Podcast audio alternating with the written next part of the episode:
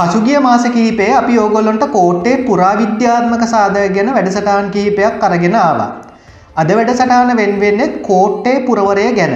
හැබැයි අද වැඩසටානය අපි කතා කරන්නේ කෝට්ටේ පුරවරේ ඒ කාලේ ඒ ඇන පෙර රජදවස දක්නට තිබුණු නමුත් අද වෙනකොට සොයාගන්න බැරිවෙලා තියෙන විශේෂිත ගොඩනැගිලි දෙකක් ගැන.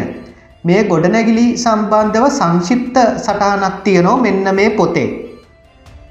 මේක පුරාවිද්‍යා දෙපාර්තමේන්තුවෙන් ප්‍රකාශනයට පත් කරපු පොතක් මේක නම තමයි ඓතිහාසික කෝට්ටේ. එතකොට මේ පොතේ කෝට්ටේ රාජධානියට අයිති මේ වෙනකොට අපිට හොයාගන්න ලැබිල තියෙන පුරාවිද්‍යාත්මක සාධක ගැන ඡායාරූප සහ සංශිප්ත සටහන් තියෙනවා ඒ වගේම මේ වෙනකොට සොයාගන්න නොහැකි වෙලා තියෙන ශේෂ වෙලාම ගිහිල්ල තියෙන අංග සම්බන්ධව යම් යම් සටහන් පල කරලා තියෙනවා. එතකොට මේ පොතේ විශේෂිත පරිච්චේද දෙකක් වෙන් කල්ලා තියෙනවා එකක් කෝට්ටේ ශ්‍රී දළදා මාලිගාව ගැන අනිත් එක කෝට්ටේ රජමාලිගාව හෙවත් පස්මහල් පහය ගැන. ඉතිං මේ කෝට්ටේ ශ්‍රී දල්දා මාලිගාව සහ කෝට්ටේ රජමාලිගාව අද වෙනකොට කොහෙවත් ඒ ඇන කෝට්ටේ පුරවරයේ හොයාගන්න නැහැ මේවා පුරාවිද්‍යාත්මක වශයෙන් හොයාගන්න නැති වුණත් අදට මෙව්වා සාහිත්‍ය මූලාශ්‍රවලට විතරක් ලගු වෙලා තියෙනවා. ඉතින් මේක තියෙන කරුණු ඔස්සේම මම කියාගෙන යන්නම් කෝට්ටේ ශ්‍රී දළදා මාලිගාව කියන පරිච්චේදය ගත්තොත් මේක මෙන්න මෙහෙම සටහනත් තමයි තියෙන්නේ. නුගේ ගොඩ සිට රාජගිරිය මාර්ගයේ ඇතුල් කෝට්ටේ හන්දියෙන් නැති මාලිගාව පාරේ මීටර් දෙසීයක් පමණ දුරක් ගිය විට මේ ස්ථානයට ලගාවිය හැකිය. ඊට පස්ස සැලලිහිනි සන්දේශයේ මේ කෝට්ටේ ශ්‍රී දල්දා මාලිගාව ගැන තියෙන කවියක් තියෙනවා ලොව විහිදා සුදු පැහැසද රැසෙවුස් වැදී දෙන නොමදා සිරිසගමොක් සැපනි සැදී.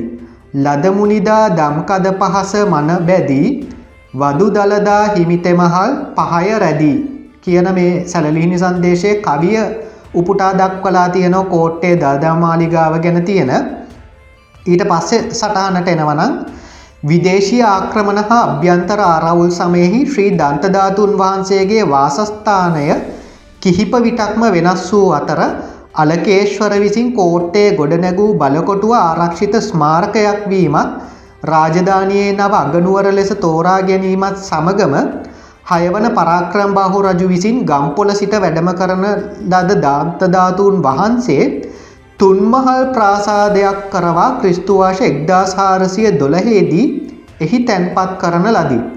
ශතවාශයකට අධික කාලයක් මෙහි නිරුප්පද්‍රිතව වැඩවිසූ දන්තධාතුන් වහන්සේ බටහිර ජාතීන්ගේ පැමිණීමත් සමඟ සබරගමුවේ දෙල්ගමුව විහාරයට රැගෙන යනු ලැබූහ. හත්වන බුවනක බාහු රජු විසින් නිකුත් කරන ලද තබ සන්නසක සඳහන් පරිදි සල්පිටි කෝරලයේ මාම්පේ ග්‍රාමය දළදා මාලිගාවේ නඩත්තුව සඳහා කැපකොට මාම්පේරාල ඒ ඇන මාම්පේ පෙරුමාල් හා ඔහුගේ වංශයෙන් පැවතගෙන එන්නන් හට අයබදු එකතු කිරීම හා ආදායම් දළදාමාලිගාවේ නඩත්තුව සඳහා වියදම් කිරීමේ තනි අයිතිය පවරණ ලදී. මෙම දළදා මැදුර පෘතුගීසීන් විසින් සම්පූර්ණයම සමතලා කරනු ලැබීය. එම ස්ථානය රෝමානු කතෝලික පල්ලි ඉදිකරනු ලැබූ අතර එම භූමිභාගය අදත් පල්ලියවත්ත යන නමින් හැදින්වේ.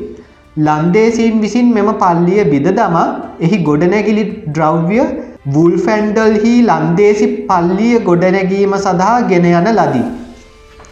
ඊට පස්සේ කෝට්ටය රජමාලිගාව ගැන තියෙනවා මෙන්න මෙහෙම සඳහනක් නුගේගොඩ සිට රාජගිරිය මාර්ගයේ ඇතුල් කෝට්ටේ හන්දියෙන් ඇති මාලිගාව පාරය මීටර් දෙසීයක් පමණ දුරක් ගිය විට මෙම ස්ථානයට ලගාවිය හැක. හයවන පරාක්‍රම් බහුරජුගේ රාජකීය මන්තිරය පීට ස්ථානය යැයි සැලකෙන මේ ප්‍රදේශය පස්මහල් මාලිගා වත්ත යන නමින් අදත් හැදින්වේ. සංදේශ කාව්‍යවල එහි ශෝභාලංකාරය ගැන චිත්තාකර්ශනීයව විස්තර කර ඇත. මාලිගාවේ ඉතිරිව ඇත්තේ පැරකුම්බා පිරිවෙන් දොරටුවේ ඇති කැටයම් කරන ලද ගල්කණු දෙක පමණි. EW පෙරේරා මහතාගේ උනන්දුව පිට මෙම භූමියෙන් සොයාගත් කැටයම් කරන ලද ගල්කණු කිහිපයක ශේෂ හා මකරතොරණය කොටස් හා ගඩොල් කෝට්ටේ කෞතුකාගාරයේ තැන්පත් කර ඇත.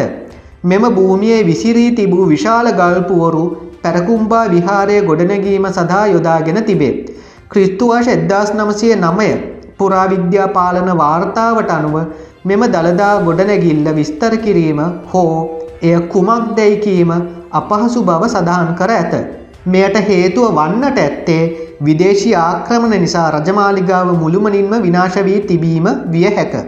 එතකොට කෝට්ටේ යුගයට අයත් සන්දේශකාවය සාහිත්‍ය මූලාශ්‍රවල බොහෝම උජාරුවට වර්ණනා කල්ලා තියෙනවා මේ කෝට්ටේ රජමාලිගාව කියන මේ පස්මහල් ගොඩනැගිල්ල ගැන සහ කෝට්ටේ දළදා මාලිගාව කියන තුන්මහල් ගොඩනැගිල්ල ගැන නමුත් පුරාවිද්‍යාත්මක වශයෙන් මේ වෙනකොට කිසිම සාධකයක් නැහැ. එව්ව මුළුමනින්ම විනාශ වෙලා ඉවරයි. නමුත් මේ කියපු මේ විස්තර අනුව ඕගොල්ලොන්ට මේ ගොඩනැගිලි සම්බන්ධව සහ ඒවා ඉතිහාසයන් ගැන යම් පමණක ඓතිහාසික කරුණු දැනගන්න පුළුවන් වෙන්න ඇති කියලා හිතන ඉතින් මං ආයි කියනවනම් පුරාවිද්‍යා දෙපාර්තමේන්තුවෙන් ප්‍රකාශනයට පත් කල්ල තියෙන ඓතිහාසික කෝට්ටේ කියන පොතෙන් තමයි මේ උපුටා ගැනීමන් සිද්ධ කරේ. තව ඒ කියන්නේ ගොඩාක් දේවල් තියෙනවා මේ පොතෙන්. ඕගොල්ලොන්ට එකන්නේ මේවේ ඡායාරූප මේ විස්තර ඇතුළත් කල්ල මේ විදියට තියෙනවා ඉතින් කෝට්ටේ පුරාවිද්‍යාත්මක ස්මාරක ගැන ගවේශණය කරනවනම් සැලකිලිමත් වෙනෝන මේ පොත හොද අත්පොතක් වෙයි ඕගොල්ලොන්ට ඊට අමතරව මීට කලින් පුරාවිද්‍යාත්මක සාධක සම්බන්ධව කෝට්ටේ යුගේ තියෙන එව්ව සම්බන්ධව කරපු වැඩසටාන් වල ලින්ක්ස් පහල ඩිස්ක්‍රපෂන් එක දාලා ඇති එව්වත් අනිවාරයම බලන්න.